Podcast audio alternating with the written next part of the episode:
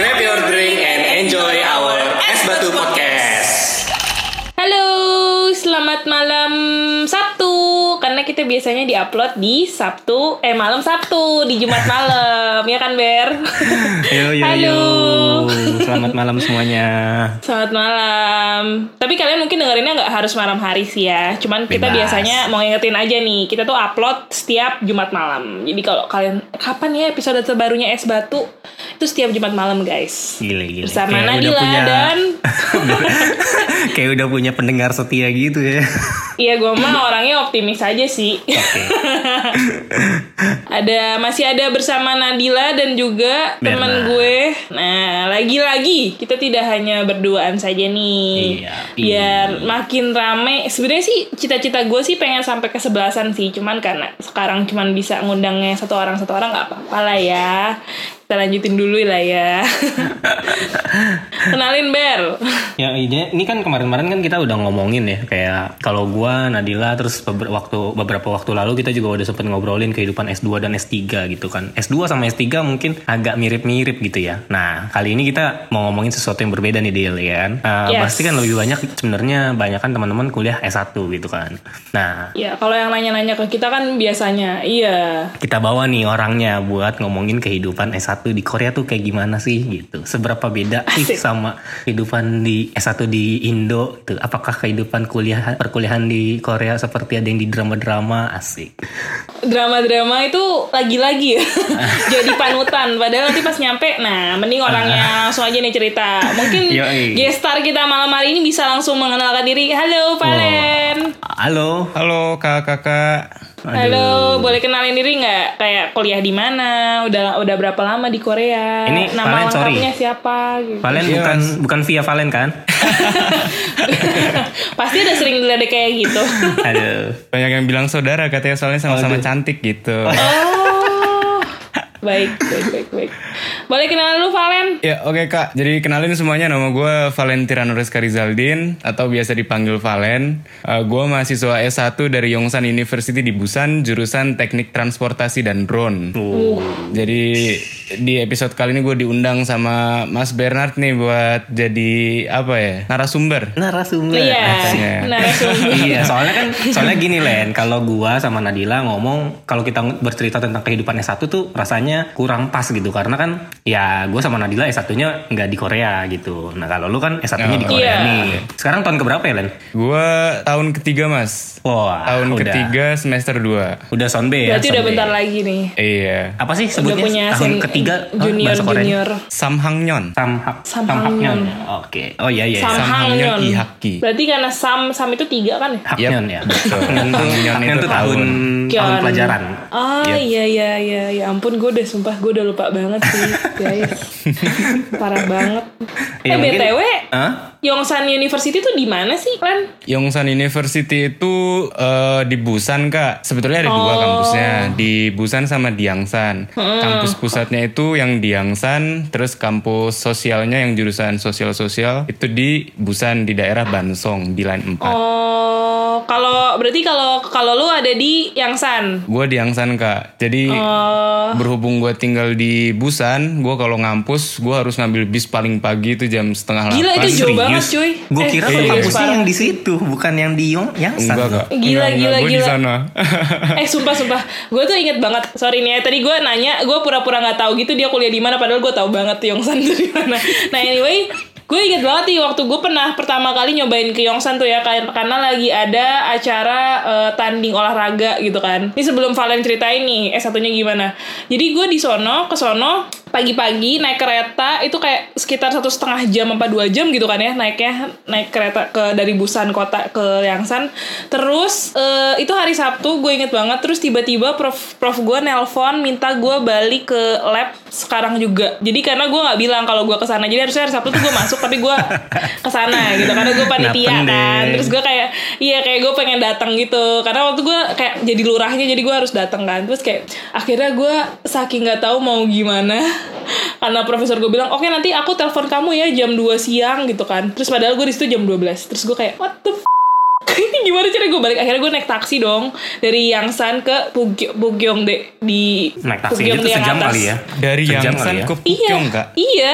Bayangin berapa coba? Wah 50 lebih dong. lima puluh ribu bener aja Iya gue kan? kehilangan uang lima puluh ribu won demi profesor gue terus dia nggak jadi nelpon emang bangs Jadi buat temen-temen yang belum tahu ya, yang San itu adanya di kiri atas. Kiri atas tuh apa sih namanya? Timur laut ya. Timur lautnya Busan gitu kan. Terus Itu- busan Pukyongnya tuh di bawah Nah, eh, mungkin lu bisa bayangin ya kalau lu dari Cengkareng, Soekarno Hatta ke Halim Perdana Kusuma. Mungkin kurang lebih kayak gitu nah kali ya jarak. iya iya kurang lebih kayak gitu sih FYI kalau yang apa kampus Yangsan itu bukan di Yangsan yang lain dua ya, masih satu jam setengah lagi dari situ. Ah, kayak Ya bus ampun, kayak busan sumpah. yang Miriam gak sih? Miriam bukan sih? sumpah parah banget gitu jauh banget Eh iya kayaknya busan eh, kayak busan deh yang itu deh, tapi agak lebih jauh lagi soalnya Holy. eh iya eh, kayak ngelewat ngelewatin gunung gitu loh kak di balik gunung. Kayak Ninja Hattori ya berarti ya tiap kali lu berangkat ya. berarti lu Iya, kalau masuk ke, gunung. kampus tuh udah kayak ini ya udah kayak mute area gitu ya kayak isolated gitu kayak Waduh. mau ke Busan jauh banget dan lu tinggal di Busan Gue tinggal di Busan kak. wah gila epic epic epic epic Gue bener-bener yang anjing namanya tiap hari buang-buang waktu 2 jam cuman buat bolak-balik kampus. Terus Kenapa, demi kenapa? demi lu Kenapa punya lu- kehidupan ya Kenapa milih di Busan? Kenapa nggak tinggal di Yangsan aja gitu? Soalnya kalau di Yangsan bener-bener nggak ada apa-apa kak. Lo lo tinggal di situ satu hari, gue jamin lu bakal pengen bunuh diri deh. kenapa kesepian banget loh Itu kampus gue tuh ke atas, ya kan tinggi dan di bawah-bawah daerah bawah-bawahnya tuh cuman ada pabrik. Oke. Oh Cibulan my satu-satunya God. cuman ada mall. Sevel gitu nggak? Sevel ada kak jauh. Sedih ya. Lo Ya mau ke minimarket sedih sih. aja lo harus nunggu shuttle bus. Berarti nggak ada Norebox setengah dong? jam sekali. Wah Norebang. jangan ngimpi deh di sana. nore nore iya nore box yang box boxan yang seribu doang masuk Nah, ya ampun berarti bener-bener kayak nggak ada nggak ada jalanan dan nggak ada kayak toko-toko make up kayak di Deon gitu ya yang lah. gitu Wah jauh banget kak. Makanya gue self quarantine di sini tuh kayak udah biasa aja gitu. Soalnya gue tiap hari merasa di karantina aja di kuliah. iya sih bener sih jauh banget sih tapi anyway eh, boleh cerita nggak sih awalnya kenapa sih lu tiba-tiba em, pertama kenapa lu pengen kuliah di Korea di S 1 nya terus yang Hmm. kedua kenapa pilihnya kampus itu boleh diceritain nggak Eh sebenarnya kalau dari awal ya, gue tuh lulus SMA sebenarnya gue udah hampir kuliah kak di Pajajaran. hmm. Eh, terus ketika gue lagi survei lokasi, kebetulan ada kenalan bokap ngasih tahu kalau eh, apa namanya, lo ada kesempatan nih kalau misalkan mau kuliah di luar negeri, dia bilang kayak gitu. Hmm. Terus gue tanya-tanya, kita ngobrol, dia bilang eh, dia cerita lah akhirnya tentang Yongsan. Hmm. Ada di Korea ya kan dengan eh, skema pembelajarannya seperti apa. Hmm. Di situ jujur gue belum tertarik sih. Soalnya kayak gue bener-bener total nggak ada bayangan buat kuliah di luar negeri sama sekali pas SMA. Hmm, hmm, hmm. Cuman makin ke sini, gue mikir kayak eh, kesempatan kayak gini datang mungkin nggak cum- apa cuman sekali gitu loh, nggak akan ada yang namanya dua kali dan gue bakal serela, serela itukah ngelepasin kesempatan keluar negeri lihat dunia luar, ketemu sama orang-orang baru, akhirnya gue diskusi sama bokap ya kan bokap 100% ngedukung sebetulnya. Akhirnya Oh. setelah ngobrol negosiasi akhirnya gue cabut berkas tuh dari pajajaran. Gue cabut berkas gue mantepin deh coba gue mau berangkat ke Korea tanpa persiapan apa pun. Berarti lu Wow. di di Pajajaran udah keterima ya sebenarnya ya? udah kak. Gue udah keterima. Gue udah hampir ikut ospek gue udah masuk grupnya. Jurusan apa kalau ta- boleh tahu? Agroteknologi kak. Oh oke oke. And then? Gitu. Terus akhirnya gue rela cabut berkas soalnya bokap gue bilang kayak gini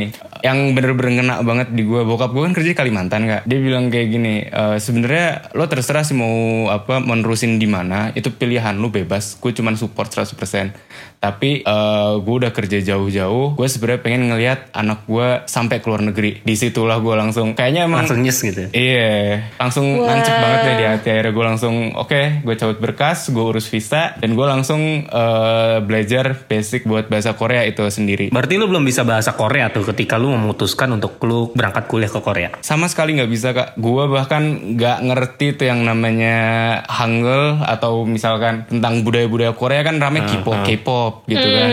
Yang paling simple aja deh, samyang aja keluar pas zaman SMA gue belum pernah makan sama sekali tuh. Oke. Ya nggak ada interest sama sekali. tapi tapi sekarang gue gue sempat lihat di, di di Instagramnya si Valen. Sekarang dia udah bisa saramin nih gitu. Oh, udah orang busan banget kayaknya ya. Oke, oke, oke. Bisa nih jadi uh, Oh, ambasador Dinde. ya kalau misalnya lagi ada.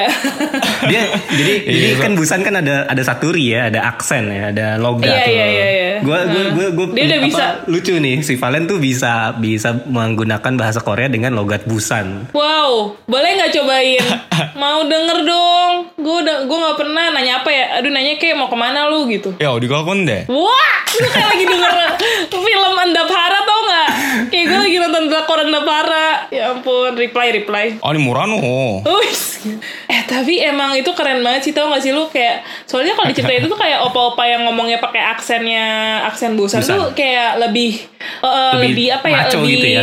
iya jadi kayak nggak nggak nggak romantis romantis banget tapi romantis tapi nggak ro- eh nggak romantis tapi romantis gitu loh kayak kelakuannya Anjay. jadi dia nggak pakai nggak pakai omongan sumpah gue kalau nontonin orang-orang orang-orang drama yang pakai eh, cowoknya dari busan tuh kayak langsung ah keren banget dibandingin yang dari biasa-biasa gitu sumpah Tapi gue sampai sekarang nggak ngerti loh maksudnya eh, saturi itu apa sih? Maksudnya ngerti secara harafiahnya kayak cuman sekedar tone atau nada pelafalan ketika ngomong. Ah. Cuman gue bener-bener nggak inget kapan gue pernah belajar, kapan pernah gue latihan saturi sama sekali. Gue nggak inget. Itu kayak kebawa ya natural aja gitu. itu Kebawa ke bawah deh lu- teman-teman lu pasti Lu berarti teman-temannya anak Korea dong, maksudnya nggak nggak cuma orang Indo doang kan? Pasti teman lu juga banyak yang mahasiswa Koreanya kan? Banyak kak, alhamdulillah. iya makanya Nah, mungkin tapi kebawa oke. kayaknya tuh. Iya, makanya kita balikin lagi nih. Berarti lu itu pas pertama datang langsung ke Busan gue pertama datang langsung ke Busan. dan langsung kuliah bahasa Korea dulu, les bahasa Korea Ya, dulu. langsung ambil course bahasa Korea satu tahun. Di mana tuh? Hmm. Di Yongsan University juga kak. Oh, sama-sama. Jadi sama. maksudnya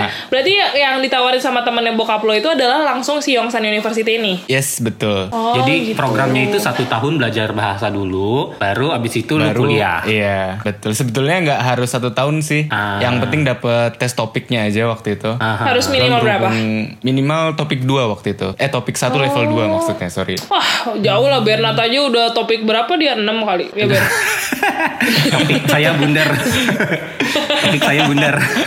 Nol maksudnya. Tapi sebenarnya kuliah di Korea tuh kalau mandiri mahal nggak sih Lan? Gue pengen tahu deh. Menurut lo? Kalau mandiri, eh, menurut gue hitungannya sih sebanding kayak swasta di sini sih kak. Swasta Kalau di menurut sini. gue ya. Oke. Swasta di sini kota besar ya. Katakanlah seperti Bandung, Swasta di sini Jakarta kota gitu besar, ya. Ha-ha. Bandung. Soalnya gue, oh ya gue sempat keterima Telkom waktu itu. Mm-hmm, Eh, dan ketika gue lihat biaya SPP-nya itu sama, kurang lebih sama kayak SPP teknik di Korea. Oh. Padahal sorry SPP teknik di Korea itu biasanya lebih mahal ya daripada mata kuliah yang eh, apa daripada jurusan yang lainnya nggak? betul. Oh, Itu dia. sama ya. Bersyukur Cuma bedanya lo mungkin kehidupannya iya.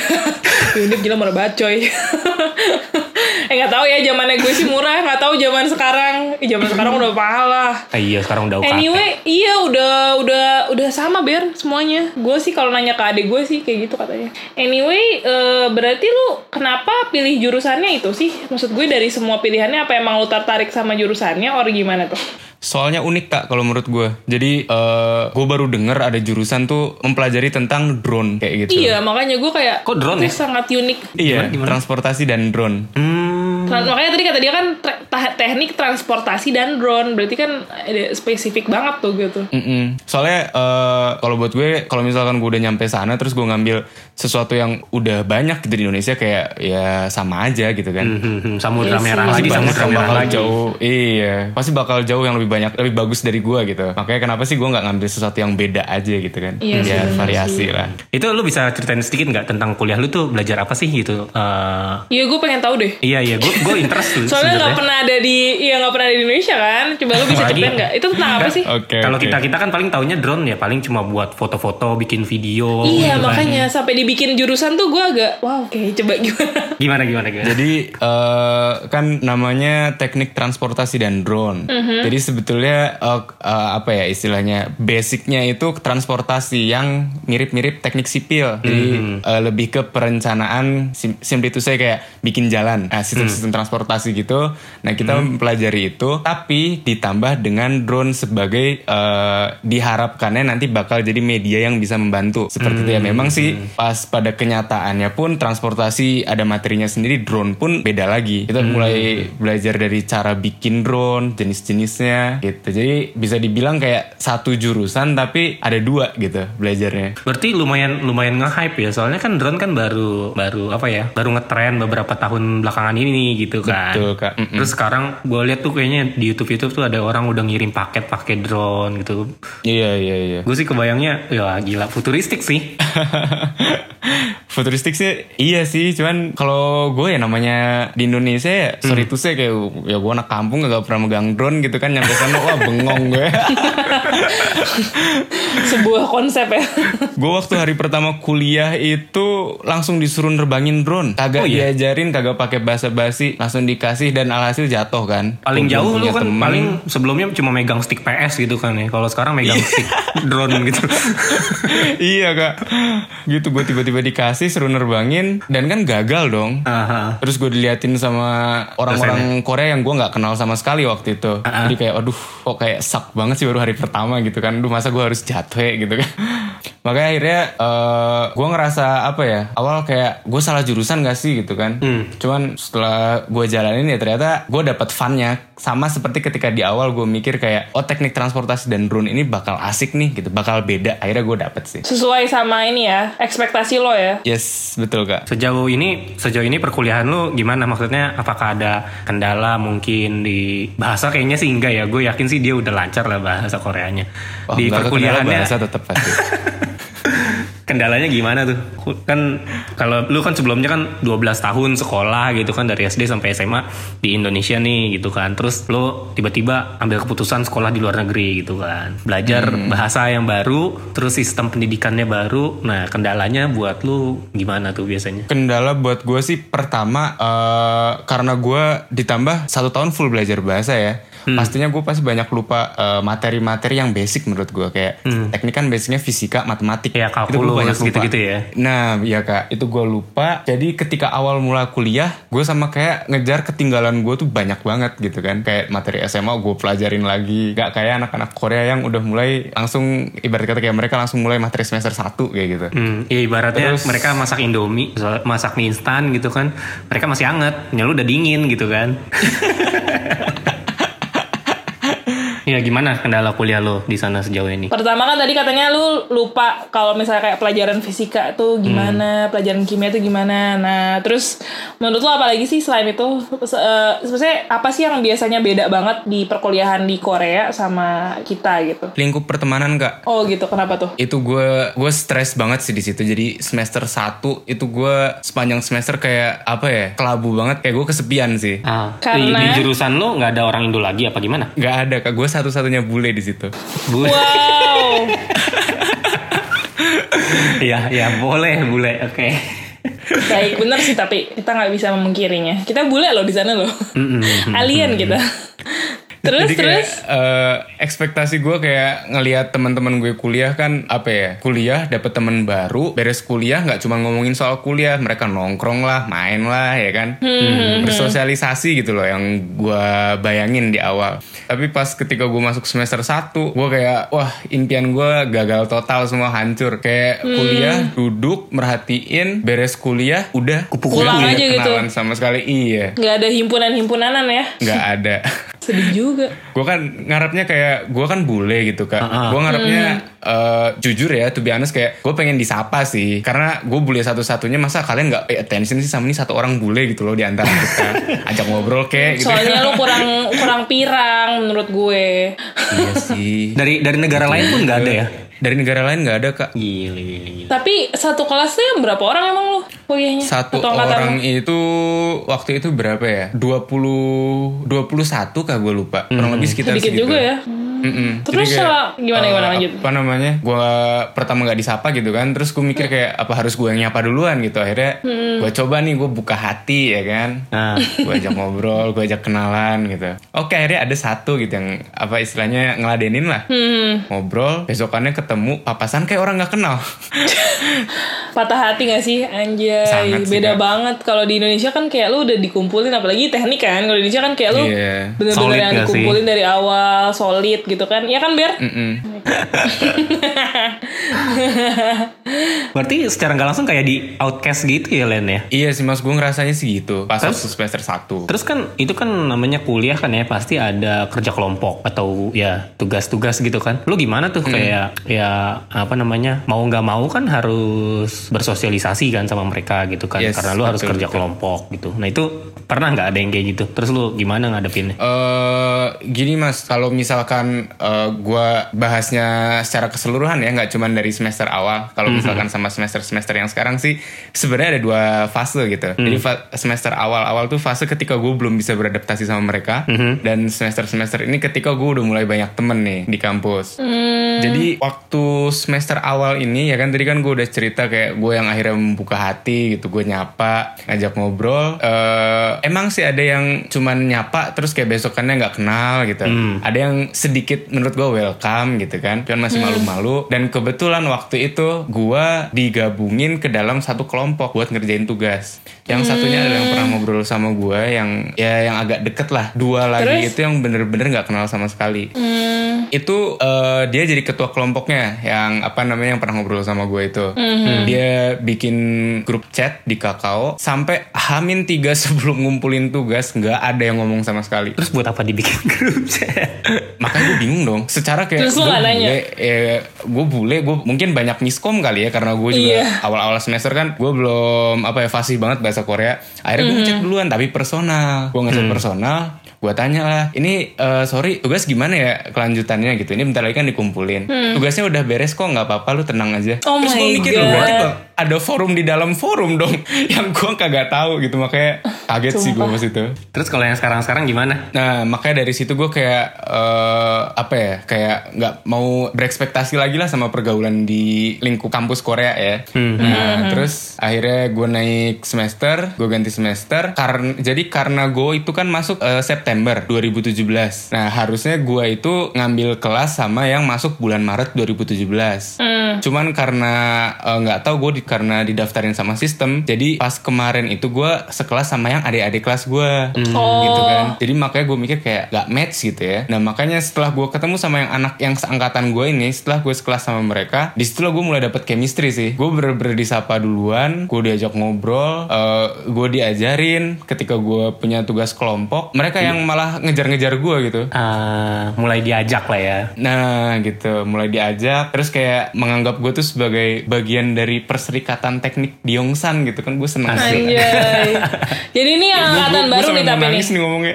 Ah ya ampun, pasti berat banget deh. Gue kebayang sih maksudnya kayak lu, apalagi kalau misalnya lu orangnya emang ekstrovert kan, terus ketemu digituin kan kayak lu suddenly jadi introvert gitu dan pasti menyiksa Iya. gitu gak sih? Kayak ya ampun, sabar ya. Gue baru tahu lu seberat itu.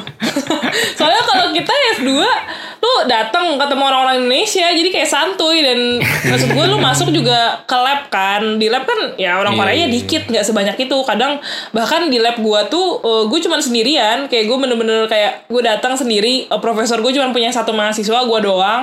Baru datang orang Korea. Makanya dan itu juga cuman sendiri doang. Jadi kayak bener-bener cuman berdua doang gue sama dia. Dan itu makanya kita nggak pernah kayak yang eh gimana mau musuhin orang dia nggak punya geng? Gue juga nggak punya geng gimana mau musuhinnya coba Gitu kan. gimana mau outcastin gitu kayak gue sama-sama sih. punya ya. iya kita we only have each other gitu Kalau gue bilang circle pergaulannya S2 karena lebih apa ya mungkin karena lebih banyak waktu dipakai lebih untuk internasional riset. juga sih menurut gue Mm-mm, terus lebih internasional juga betul teman-temannya juga biasanya satu lab eh, bisa multinasional gitu kan dari negara-negara lain gitu kan tapi kalau S1 menurut gua emang jauh beda lebih punya ruang ya kayaknya ya sebenarnya buat Iya. pergaulan tuh sebenarnya lebih kalau bergaul dengan orang Korea ya lu kesempatannya lebih banyak dong ya Iya kak. Tapi ya penerimaannya mereka itu yang kadang-kadang kita tebak-tebak buah manggis kan. balik ke nih personalnya dia mau itu nih ya kan. Soalnya ya lo kadang tricky juga mau kenalan sama mereka begitu mereka nggak suka dan mereka ketemu teman mereka yang nggak suka juga. Wah udah lalu udah fix. Lo lo tips-tipsnya tips-tipsnya gimana tuh Len untuk meng- ha. meng- apa ya menghadapi pergaulan mereka gitu kan. Maksudnya ya kita tahu lah orang Korea mungkin pada awalnya cenderung tertutup gitu kan. Terus untuk membuat mereka lebih membuka pergaulan, pintu pergaulannya mereka tuh gimana tuh? Eh, Jadi gini mas, gue waktu tahun awal, nggak nggak tahun awal sama tahun sekarang gue punya dua guru, eh guru, dosen konseling. Itu dua orang beda, yang satu cewek, yang satu cowok. Nah, ketika gue lagi punya masalah pergaulan, ketika semester awal itu gue curhat lah ke konseling. Gue bilang kayak eh, ketika gue di Indonesia, gue punya ekspektasi kuliah di Korea itu seperti ini, tapi gue kok belum dapetin ya sampai sekarang gue cerita lah semua. Dia jawabannya kayak gini, "Eh, mungkin bukan mereka sih yang harus buka dulu, buka percakapan duluan. Mungkin kamu yang harus buka hati dan ngajak mereka kenalan. Di situ gue ngerasa kayak kok jadi gue yang salah gitu loh. Kan gue kan perlu pertolongan ini loh. Kenapa jadi gue yang disalahin? Nah, makanya gue makin frustasi. Dan ketika naik semester yang tadi gue bilang gue ketemu sama teman-teman yang seangkatan gue, di situlah gue dapet eh, dosen konseling yang tadi kata gue yang cowok itu. Eh, sama gue eh, konsul masalah pergaulan juga karena gue masih agak takut-takut sedikit ya waktu itu. Even gue udah mulai cukup banyak temen, dia bilang kayak gini, lo pamer aja, lo kan jago bahasa Korea, lo tinggal omongin aja ke mereka, lo ajak kenalan sama gue Valen, gue jago bahasa Korea, lo nggak usah takut ngobrol sama gue. Di situ gue ngerasa kayak gue di encourage gitu buat berteman, jadi makanya eh, setelah gue denger omongan dia dan gue pikirin emang kuncinya cuma satu pede aja sih. Kayaknya sih Even emang kita itu tahu deh kuncinya, benar-benar. Soalnya I- even kita tahu kita beda kalau misalnya kita terus mikirin kita beda terlalu banyak perbedaan gitu itu nggak akan masuk masuk jadi makanya ketika awal membuka kalau menurut gue sih mending pikir kita sama gitu. Lo sama-sama orang gue sama-sama orang Eh, perkara ke depannya antar lingkup sosial lo gimana yang penting awal kita coba match dulu lah gitu. Iya sih, soalnya kalau menurut gue gini, orang Korea itu cenderung apa ya takut untuk ngomong sama foreigner atau orang apa foreigner tuh apa sih orang asing.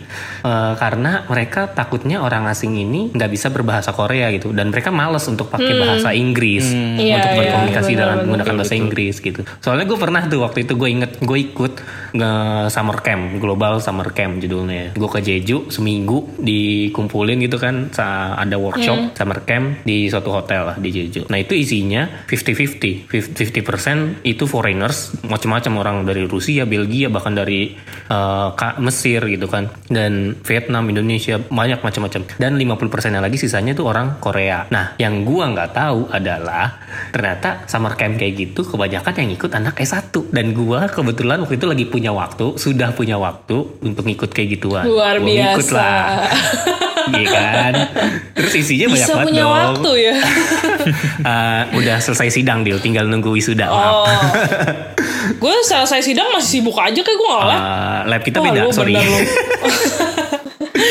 Iya lanjut lanjut. Iya, Terus? terus gue ikut summer camp kayak gitu kan. Ya udah, Hmm. kan namanya summer camp, workshop kayak gitu, seminar-seminar pasti lu ada di kelompok-kelompokan gitu lah untuk ice breaking, Hmm, games dan tugas-tugasnya segala gitu. Terus itu memang pada awalnya kan mereka ngomong ketemu kan biasa. Oke, gue langsung cerita deh, gue buka. Malam kan, udah malam di Hmm. satu kamar ngumpul tuh ngumpul rame beberapa orang gitu, sekitar sekitar 10 orangan lah gitu. Itu cuman ada tiga foreigner, sisanya sisanya 10-an itu sekitar uh, buat apa orang Koreanya doang gitu.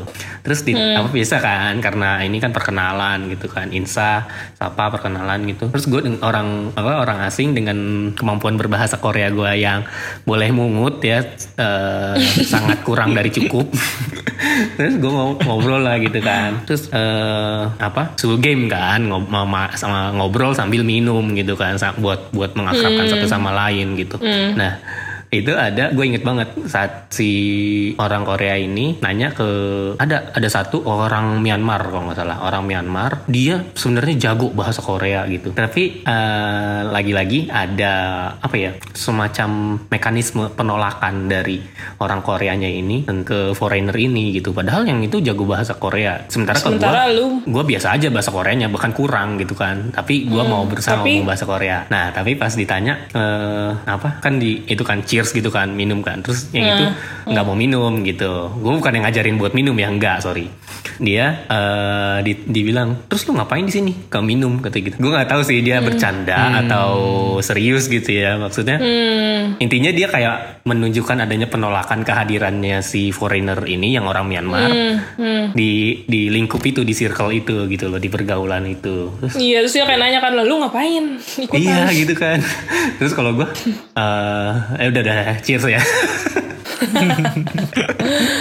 oh, Tapi kalau- jadi kalau kita harus ngomong- minum dulu ya. Kalau ya intinya sih kalau gue bilang ya mungkin karena kita apa ya eh, mau bergaul sama mereka mungkin kita harus apa namanya ada peribahasa gitu kan kayak di mana bumi dipijak di situ langit dijunjung gitu ya rule-nya mereka kayak gitu mereka ber- berbicara pakai bahasa Korea pergaulannya mereka mungkin ice breakingnya minum kayak gitu ya mungkin ada kalanya memang lo kayak mau nggak mau ngikutin gitu nggak sih lo pernah gitu nggak Len? Iya sih. Gue mas, oh jelas.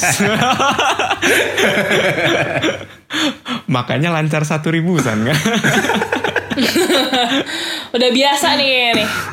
Kalau Eh, gimana ya? Gimana? Biasa biasa banget sih enggak sih sebenarnya. Dan kayak ada di satu sisi kayak gue pernah mikir kayak apakah gue yang terlalu egois kalau misalkan gue harus selalu pengen dimengerti sama mereka gitu kan. Makanya kadang gue mikir kayak ah, sekali-kali kali ya. Maksudnya gue juga ngertiin mereka lah gitu kan. Jadi ya begitu. Tapi kalau misalnya gue karena gue juga gue kan nggak bisa bahasa Korea ya. Maksud gue eh gue tuh even nggak bisa mungkin make a sentence di Korea gitu. Jadi maksudnya di bahasa Koreanya. Jadi gue bener-bener pakai fully eng full English gitu kan kalau ngomong sama labmate gue dan profesor gue. Gue ngerti bahasa mereka tapi gue nggak bisa bikin kalimat gitu loh. Jadi kayak gue nanya tuh bener-bener cuman yang aduh basic banget deh kayak yang oh dia yuk yang kayak gitu-gitu lah kayak yang gampang banget. Pokoknya eh, mungkin kalau orang yang sering nonton drama Korea juga biasa bisa kali. nah tapi tuh eh teman gue itu kan gue punya teman lab eh, lab orang Korea akhirnya ada empat nih kan. Terus dua orang jago bahasa Inggris, dua orang lagi kagak. Nah jadi dua orang ini kalau mau ngomong ke gue ditranslate dulu nih sama dua orang ini. takut kan Nah, sih orang- takut dia Iya, iya. Dan tapi tapi profesor gue itu mengencourage-nya malah bilang gini, nah mumpung si Nadila nggak bisa bahasa Korea, lu belajarlah bahasa Inggris sama dia biar Inggris lu bagus katanya gitu. Lu juga Nat, lu belajar bahasa Korea sama mereka gitu kan, kayak gitu. Tapi gue gue kadang sering nanya-nanya eh, yang bisa bahasa Inggris lu sering bilang lu nggak mau apa belajar bahasa Korea? Ya gue mau, tapi gue kagak ngerti. Lu ajarin gue lah gini-gini. Oh males lah. Jadi emang dua orang yang bisa bahasa Inggris ini emang rada-rada soal sih jadi kayak mereka tuh soal soal dalam arti yang sebenarnya ya tapi kayak mereka tuh kadang-kadang nyebelin gitu loh. Cuman gue tuh kalau profesor misalnya lagi marah sama gue gue tuh konsulnya ke mereka kayak eh profesor kenapa sih? Gue harus kenapa sih? Kayak karena kan kadang kayak culture-nya gue nggak paham atau ada permasalahan yang mungkin bikin prof baper tapi gue nggak ngerti kenapa nih gitu kan. Karena kan prof kan kadang kalau marah suka pakai bahasa Korea jadi gue kagak paham juga ya gitu kan. Nah gitu sih kalau gue eh, basically awalnya gue pede aja gue ngomong aja bahasa Inggris. Jadi mungkin awalnya mereka annoyed juga sama gue sama kayak lu Len. Mungkin kayak aduh nih gue males banget nih ngomong sama foreigner nih mana dia kagak bisa bahasa Korea lagi gitu kan. Tapi gue kayak ya udah gue cuek aja bodo amat. Gue ngomongnya bahasa Inggris gue tabrak aja terus. Lu nggak bisa. Nih gue ketikin pakai bahasa translate kata gue gitu.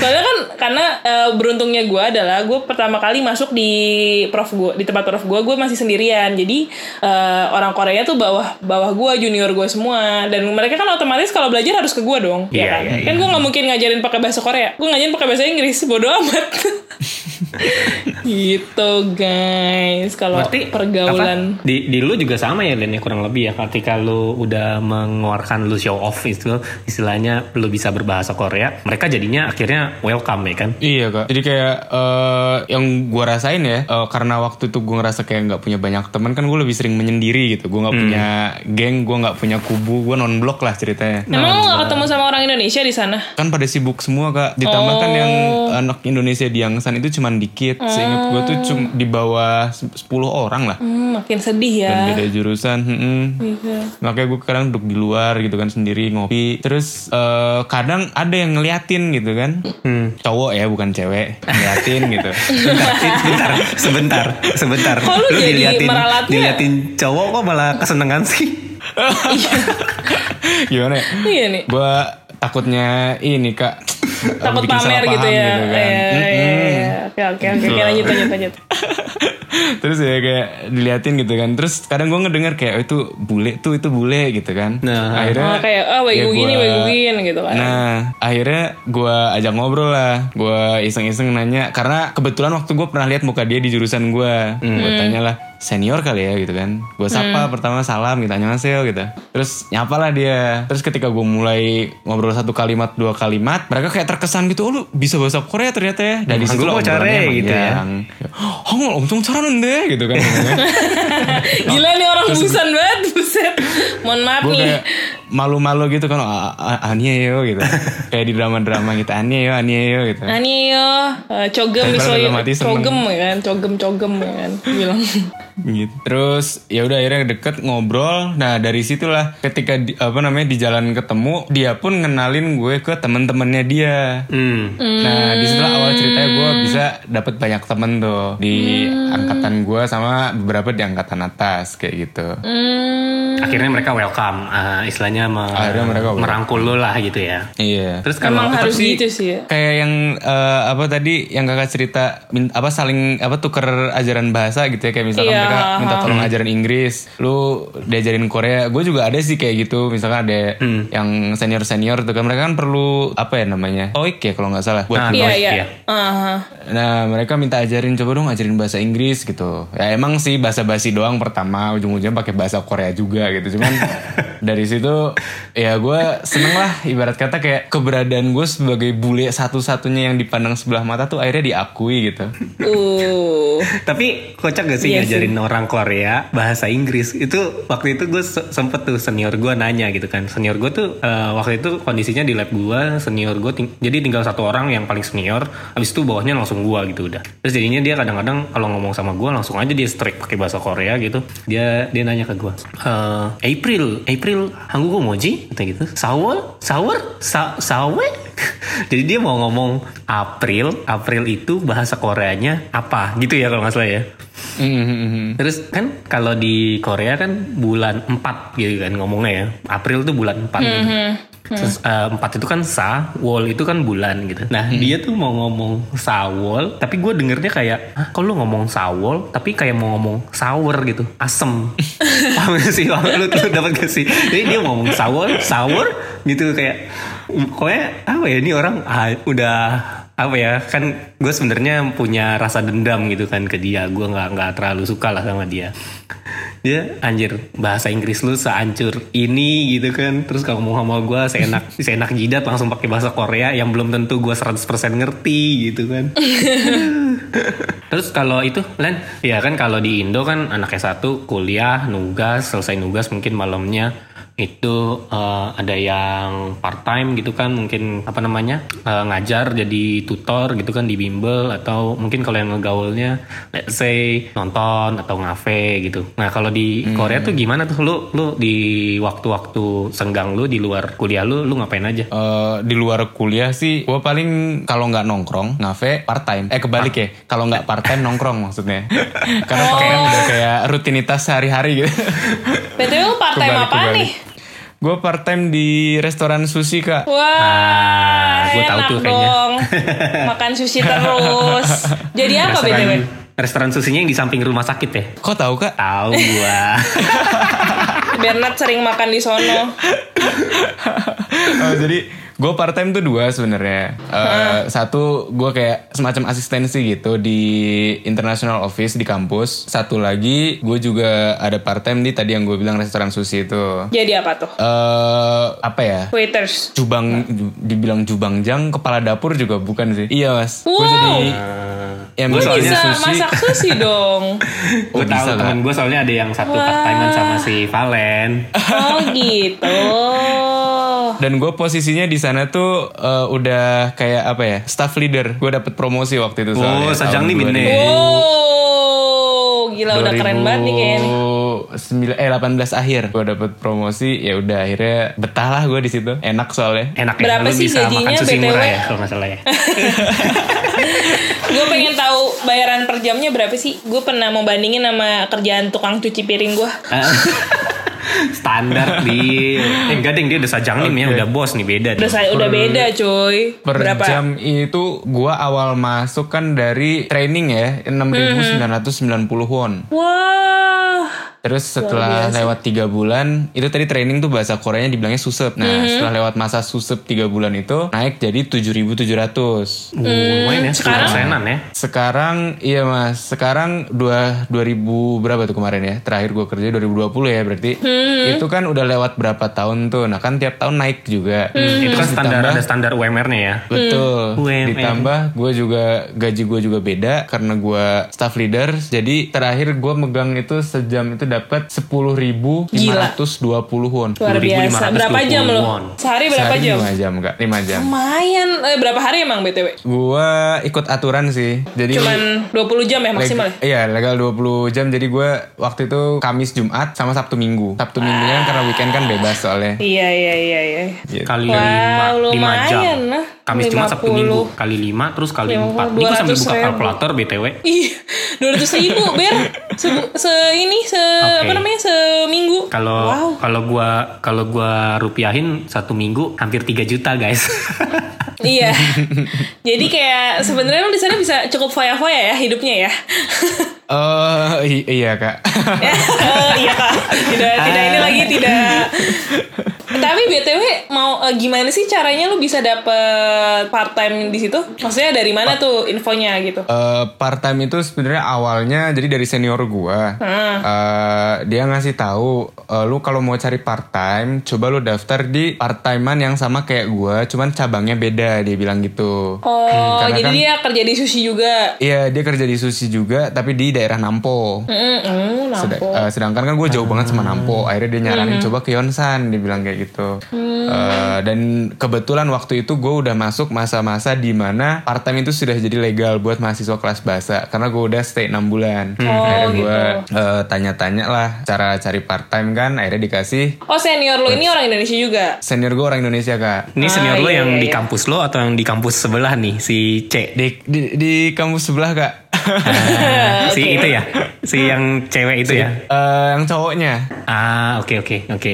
And then gitu terus eh gue dikasih website eh, apa ya nama website gue lupa Alba Congguk. Alba Congguk apa ya ah iya itu bener gue gue dari di situ ada infonya nomor telepon akhirnya gue telepon. Itu sebelum gue nelpon gue latihan dulu dua hari. Gue inget banget dikasih tahu lo harus ngomong apa ketika pertama ngangkat telepon. Terus lu kalau misalkan kira-kira lu disuruh interview lu bakal jawab apa? Itu gue latihan dua hari. Gue juga gue bener-bener ngejabarin di kertas tuh kemungkinan-kemungkinan jawabannya tuh. Dan pertanyaan-pertanyaan itu gue jabarin semua. Lu berarti udah Oh, udah dapet bocoran gitu ya. iya. Oh, lu di interview pakai bahasa Korea. pakai bahasa Korea kak Oh iya benar juga ya nggak mungkin pakai bahasa Inggris. Albanya wow. dia nggak Akhirnya- kayak kita deal yang albanya nggak mesti bisa bahasa Korea. Iya iya benar benar benar benar. akhirnya gue telepon terus? tuh gue telepon eh, apa namanya dia bilang datang dulu besok jam 3 sore gue inget banget. Datang jam 3 terus eh, dia nanya alamatnya udah tahu kan? Karena gue masih basic gue bilang nenek Arayo gitu kan. Terus akhirnya telepon mati dah tuh gue nunggu besok. Jam 3 eh, gue sampai sana gue masuk lewat pintu depan akhirnya ketemulah sama si manajernya. Diwawancara lah. Wawancaranya basic sih karena ngelihat gue bule dan bahasa Korea gue waktu itu masih belum lancar ya. Dia cuma nanya kayak nama kuliah di mana eh, orang dari negara mana kayak gitu. Terus dia cuma nanya apa namanya kamu bisa kerja hari apa aja? Dia bilang kayak gitu. Ya udah dia udah ngobrol kayak gitu kelar dikasih lah gue keakso eh, apa? Ah, surat perjanjian. Eh, kontrak ah, perjanjian. Kontrak kerja. Dia suruh baca dia bilang kamu baca dulu pelan-pelan. Gua nggak ada ngerti satu kata pun kan Karena kosakatanya beda ya. beda banget mas gue cuman baca gue ngeliatin gue pura-pura ngerti aja sambil keringetan kayak "Aduh, kapan beresnya si anjing gitu kan terus Terus kayak lo yang pasti kayak gini, ah, hmm, ah, Gua relate- ya, relate banget ya, bener-bener ya. cuman kayak hmm ah kere gitu kan Terus ditanya, Agici gitu. Terus pas udah beres dia yang ngeliatin gue masih ya kan? Kayak merhatiin tak iya head C gitu kan? Ngerti semua kan? Nih nih nih nih padahal gue nggak ngerti dia ngomong apa waktu itu. Terus dia cuman ketawa terus eh, dia bilang kayak gini kamu senggak tomne kayak gitu kan. Yang akhirnya gue tahu setelah gue ngobrol sama dia lagi dia bilang gue tuh sebenarnya waktu itu pas wawancara lu gue bilang kayak gini lu kan nggak ngerti kan? Gue tahu. Cuman lu bilang nih nih nih nih, jadi gue ngerasa kayak lu tuh sebenarnya ngerti. Tapi gue tahu lu cuman pura-pura. Akhirnya gue gue terima gara-gara gue kasihan kata dia gitu. Ya ampun. jahat banget kan. Sumpah. Tapi nggak Eh, apa-apa bercanda gitu kan. At least lu diterima. Eh, ya dan gue gak akan komplain karena ya siapa yang mau komplain dapat 130 ribu sejam Iya lah gila, sumpah. Itu parah banget sih dia. Berarti lu, lu Epic sekarang masih masih masih ini ya, masih part time. Eh, sekarang lagi di Indo ya. Gue lagi di Indo jadi gue keluar mas Hmm, Ya sedih doang dia. Eh, se- sedihnya bentar doang sih soalnya sampai sana disuruh masuk lagi soalnya. Oh iya Oh, gitu, udah jadi udah begitu- udah di booking gitu ya. gue salah satu orang yang nggak bisa ibarat kata kayak nggak bisa keluar dari situ mas. Kenapa gitu? Gue kan dua kali pulang ke Indonesia nih sebelum sama yang ini. Itu kalau di tempat gue kalau pulangnya lebih o- apa over dari satu bulan itu kan otomatis keluar dihitungnya. Nah si bos gue ini pokoknya gimana caranya gue tuh nggak keluar. Bahkan waktu eh, jadi kayak gue tuh ada apa ya namanya Yonca tuh kayak cuti kayak gitu ya. Itu di apa ditulisin sama dia. Jadi di- jadi kalau misalkan gue udah mau nyentuh satu bulan karena gue make jatah cuti itu jadi perpanjang lagi loh. Jadi gue bisa santai di Indo dengan status gue nggak keluar dari situ. Gila berarti lu udah udah di udah sampai disayang segitu disayangnya ya sama bosnya ya. Wah mas, gue waktu itu bilang gue balik akhir Februari. Awal Februari gue udah ditelepon. Lu kapan balik ke sini? Padahal gue baru tiga hari di Indonesia mas. Anjay. Dari saking rindunya dia. Dia pasti butuh lo banget tuh makanya lo nggak bisa keluar begitu saja. Seru lah, Ya di enak. samping gue nyaman sih di sana. Iya, berarti tapi berarti lu kalau jalan-jalannya waktunya kapan? Misalnya lu pasti kuliah kan Senin sampai Jumat full nggak sih? Eh gue kuliah full iya benar Senin sampai Jumat. Cuman yang kosong itu biasanya gue di hari Rabu. Hmm. Terus kalau kosong Hari selain Rabu itu part time lu ngapain tuh? hari hari Rabu gue nggak part time mas. Sengaja gue nggak ngambil part time. Hmm? Biar lu bisa istirahat. jalan-jalan. Oh, Iya. iya sih bener sih. Jadi hari Rabu gue cuman kuliah satu jam. Itu kalau disuruh datang doang. Kalau misalkan enggak, nggak apa-apa karena kan cuman kelas konseling. Terus karena gue nggak part time kan gue free. Akhirnya ya gue jalan-jalan lah. Ya mungkin sekedar nongkrong, mejeng gitu kan. Nongkrong, mejeng, Keliling-keliling. karaoke. Cari-cari teman. Ah, suljib. Eh. Aduh. Seru ya kalau gue bilang kayak S1 S1 di sana karena banyak kesempatan buat part time-nya itu lebih gede gue bilang. Dan lu lu seneng gak sih ketika lu masih istilahnya masih di bangku kuliah terus lu udah bisa cari duit gitu kan dan itu lumayan apa ya? ngebuffer lu buat buat buat daily expense lu juga kan pastinya gitu kan.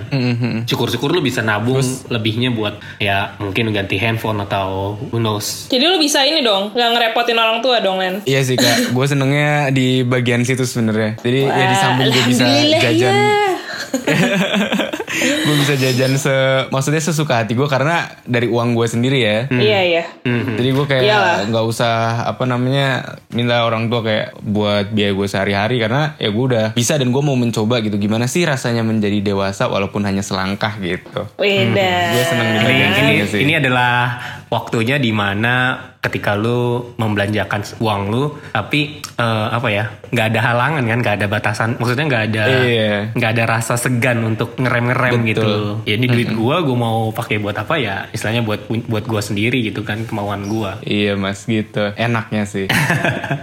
nggak enaknya nggak enaknya Arba itu part time gitu gimana pasti ada dong nggak enaknya Gak enaknya satu capek. capek ya Kalau Capek boleh jujur pasti. capek pakai banget kak. budaya kerjanya ya budaya kerjanya eh, kalau gue boleh jujur ya maksudnya yang gue denger dari awal-awal kan kayak budaya kerja orang Korea kan wah banget ya. Mereka kayak berfokus ke harus kalahkan Jepang dari dulu. Iya iya iya. Eh, sorry gue nggak menyinggung ke ke mana-mana gue cuma bahas itu ya jadi di awal gue udah punya ancang-ancang kayak ini gue harus bener-bener jor-joran nih ketika gue masuk dunia kerja di Korea. Tapi pada kenyataannya gue ngelihat orang Korea tuh nggak semuanya seperti itu. Banyak Ada yang leha-leha banyak ya? yang banyak mas bukan ada lagi. Banyak banget dan pada akhirnya memang gue yang harus jor-joran tapi dalam artian gue yang harus membackup kerjaan mereka kayak gitulah capeknya sebetulnya Hmm, tapi dari effort itu yang membu- yang membuat lu sekarang jadinya diangkat dong udah dipromosikan iya alhamdulillahnya kayak gitu capek banget gak sih? Ya capek banget sih. Dulu dulu kan gue sama Nadila juga sempet arba ya, sempet part time ya. Kita nyuci piring tuh dari jam 11 pagi. 9 jam. 11, 11 pagi sampai jam 9 jam 10 pokoknya. Sampai jam 10 malam. Iya istirahat 2 Iya. jam. Itu sampai kaki mati rasa sih. Gue sih rasanya Kaki. pinggang mau Terus patah ya? lah. Iya, dan gue udah kayak sampai menarik menghela nafas kayak berkali-kali gitu loh. udah kayak capek banget sih cuy kayak itu karena lu bukan berdiri ya. Terus apalagi lu lagi rush hour lu ditutup cepet, piringnya harus Hmm. udah ada. Wah, itu udah lu harus smart sih kayak gimana caranya gue bisa nyediain semua piring dalam lagi waktu ya cepat. tambah iya. lagi ketika lu part time eh, di restoran lu itu nggak bisa makan di jam makan sebagaimana orang makan karena Iya, orang lagi benar-benar. makan lu harus kerja Iya. kan Iya, Di mana nanti orang-orang udah kelar makan baru deh lu bisa makan Itu Iya banget. tuh. benar-benar. Benar. Itu Apalagi kalau bulan puasa mas. waduh udah lemes banget ya. Gue pernah bulan puasa, gue inget banget itu hari Sabtu. Ah. Gue gantiin temen, jadi gue disuruh masuk dari jam 2 siang Ah. sampai tutup. Itu gue karena saking ramenya, gue bener-bener nggak bisa makan sampai jam 11 malam sama sekali. gila Gila, lemes sih. puasa. Lemes sih itu cuy. Lu minum gak tapi? Terus gitu pertanyaannya. gue buru-buru akhirnya gue pura-pura izin kamar mandi kan gue ambil minum segelas akhirnya Hmm. gue lanjut kerja lagi. Ya karena Gila. kondisinya rame nggak ada yang bisa gantiin posisi gue waktu itu kan. Mhm. Jadi Iya sih. gitulah. Sabtu soalnya. Ya, Lagi orang i- pada iya, pengen makan. weekend.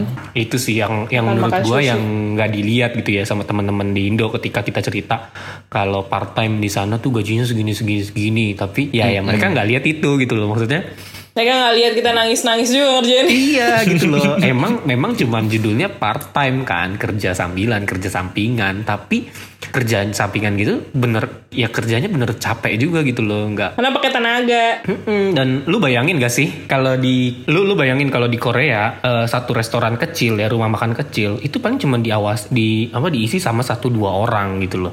Sementara di Indo itu restoran kecil aja rumah makan kecil aja itu isinya bisa 5 6 orang. Lu pernah bayangin itu gak sih pernah pernah lihat gak sih sadar gak sih kayak gitu beda banget loh. Dalam artian workloadnya untuk kerja di restoran atau di tempat di sana di Korea dibandingin sama di Indo workloadnya itu di tempat mereka berkali-kali lipat gitu loh. Iya bener. Dan apa sih eh, Apa sih namanya Dan mereka tuh eh, Emang nuntutnya cepet ya. Maksudnya kayak Ya lu gue bayar ya Suka-suka gue lah Gue mau gimana? Gitu gak sih? Kayak Lo gue bayar ya nih, gua lo jadi budak gua. Iya, kayak lu tiba-tiba datang mau cuci piring pagi-pagi terus lu lihat udah ada tiga kontainer nih dari tadi malam kayak, hmm ya ampun, gue bahkan nggak bisa duduk dari pagi hari langsung tiga kontainer guys. Tapi efek-efek baiknya adalah gue kurus sih selama jadi tukang cuci piring. Iyalah, angkat-angkat. Tuh, tapi emang ya itulah masa-masa masa-masa dapat duit dengan mudah. Tapi gue inget banget tuh pasti seneng ya pas pas dapat duit gaji pertama Iya, part iya. time tuh ada kalau ada sound efeknya kayak Iya, kayak langsung dapat duitnya tuh kayak wah banyak. Tapi anyway Len, eh, lu boleh nggak kasih apa ya kayak encouragement aja sih buat teman-teman yang emang kan karena tadi ceritanya kita nggak selamanya enak ya dari tadi kan cerita lu awal-awal udah ada mental breakdown lah gara-gara nggak punya teman dan lain-lain dan susah maksud gue untuk bersosialisasi di sana Eh, dan gue juga kita semua ngalamin itu gitu kan. Terus juga mungkin di sana part time itu nggak segampang itu loh gitu kan. Nah lu ada nggak kayak eh, apa ya kayak encouragement buat teman-teman yang emang pengen daftar? Karena banyak banget yang nanya-nanya ke gue pengen daftar S1 cuman gue kan nggak bisa jawab ya. Nah kalau dari lu gimana nih encouragementnya buat teman-teman yang emang mau daftar S1 di Korea gitu? Eh, kalau dari gue sih kak, yang penting siap mental aja sih. Karena kan eh, namanya kita apa ya numpang tinggal di negara orang ya kan. Memang 100% kita nggak bisa nyesuaiin sama budaya mereka. Cuman at least kita berusaha untuk ngertiin mereka itu yang penting kalau menurut gue. Jadi Iya sih. eh, perkara pergaulan satu sebenarnya nggak semuanya kalau kalau misalkan kita gua kita ngomongin gue yang dulu ya, yang gue yang mengharapkan sentuhan dari orang Korea duluan, itu gue berani bilang sekarang itu nggak 100% benar karena gue juga yang harus membuka, kita juga yang harus membuka duluan biar terjadi komunikasi komunikasi dua arah yang lancar gitu kan. setuju setuju. Jadi eh, et- pertama lo harus berani menyesuaikan diri lu, menempatkan diri lu di posisi yang benar. Jangan maunya lu yang dikasih enak gitu. Lu juga harus cobalah ngenakin mereka gitu. Karena gue yakin kalau misalkan lu udah pegang poin itu, pergaulan lu pasti aman. Itu satu.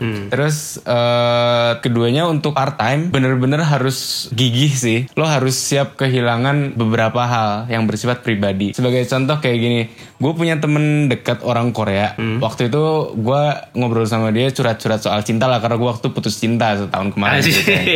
Asik asik asik bentar bentar bentar bentar bentar bentar bentar kenapa jadi curcol nih mantap terus terus tinggal gue nanya nih kan orang Korea apa yang orang Indo nih. orang Lanjut, lanjut. orang Indo kak gitu kan. Oh, oke oke oke oke.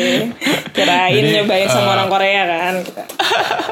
Terus Jadi terus. broke up, terus curhat lah cerita. Eh, terus dia bilang kayak gini, buat kita eh, orang Korea nih ada omongan kayak gini. Kalau lo mau sukses, lo nggak akan bisa menggapai tiga hal dalam waktu yang sama. Kuliah, kerja, dia bilangnya part time. Terus yang ketiganya cinta. Di situlah Makanya maksud gue tadi maksudnya part time kenapa harus apa ya? Jadi yang tadi gue bilang part time harus apa namanya gigi, Gigi. karena ya itu lo bakal melewatkan beberapa hal yang apa ya sifatnya mungkin pribadi dan kayak itu tuh mungkin sebetulnya penting. Tapi ketika lo mau fokus buat cari pengalaman di dunia kerja, lo harus siap untuk mengorbankan itu sih. Jadi kayak Hmm, intinya lu pilih dua dari tiga itu ya. Iya, lo bener-bener gak bisa ngegenggam semuanya lah, dibilang kayak gitu. Jadi tetap yang paling penting kata gue pertama tadi mental, mental mau bergaul, dah itu aja. Oke.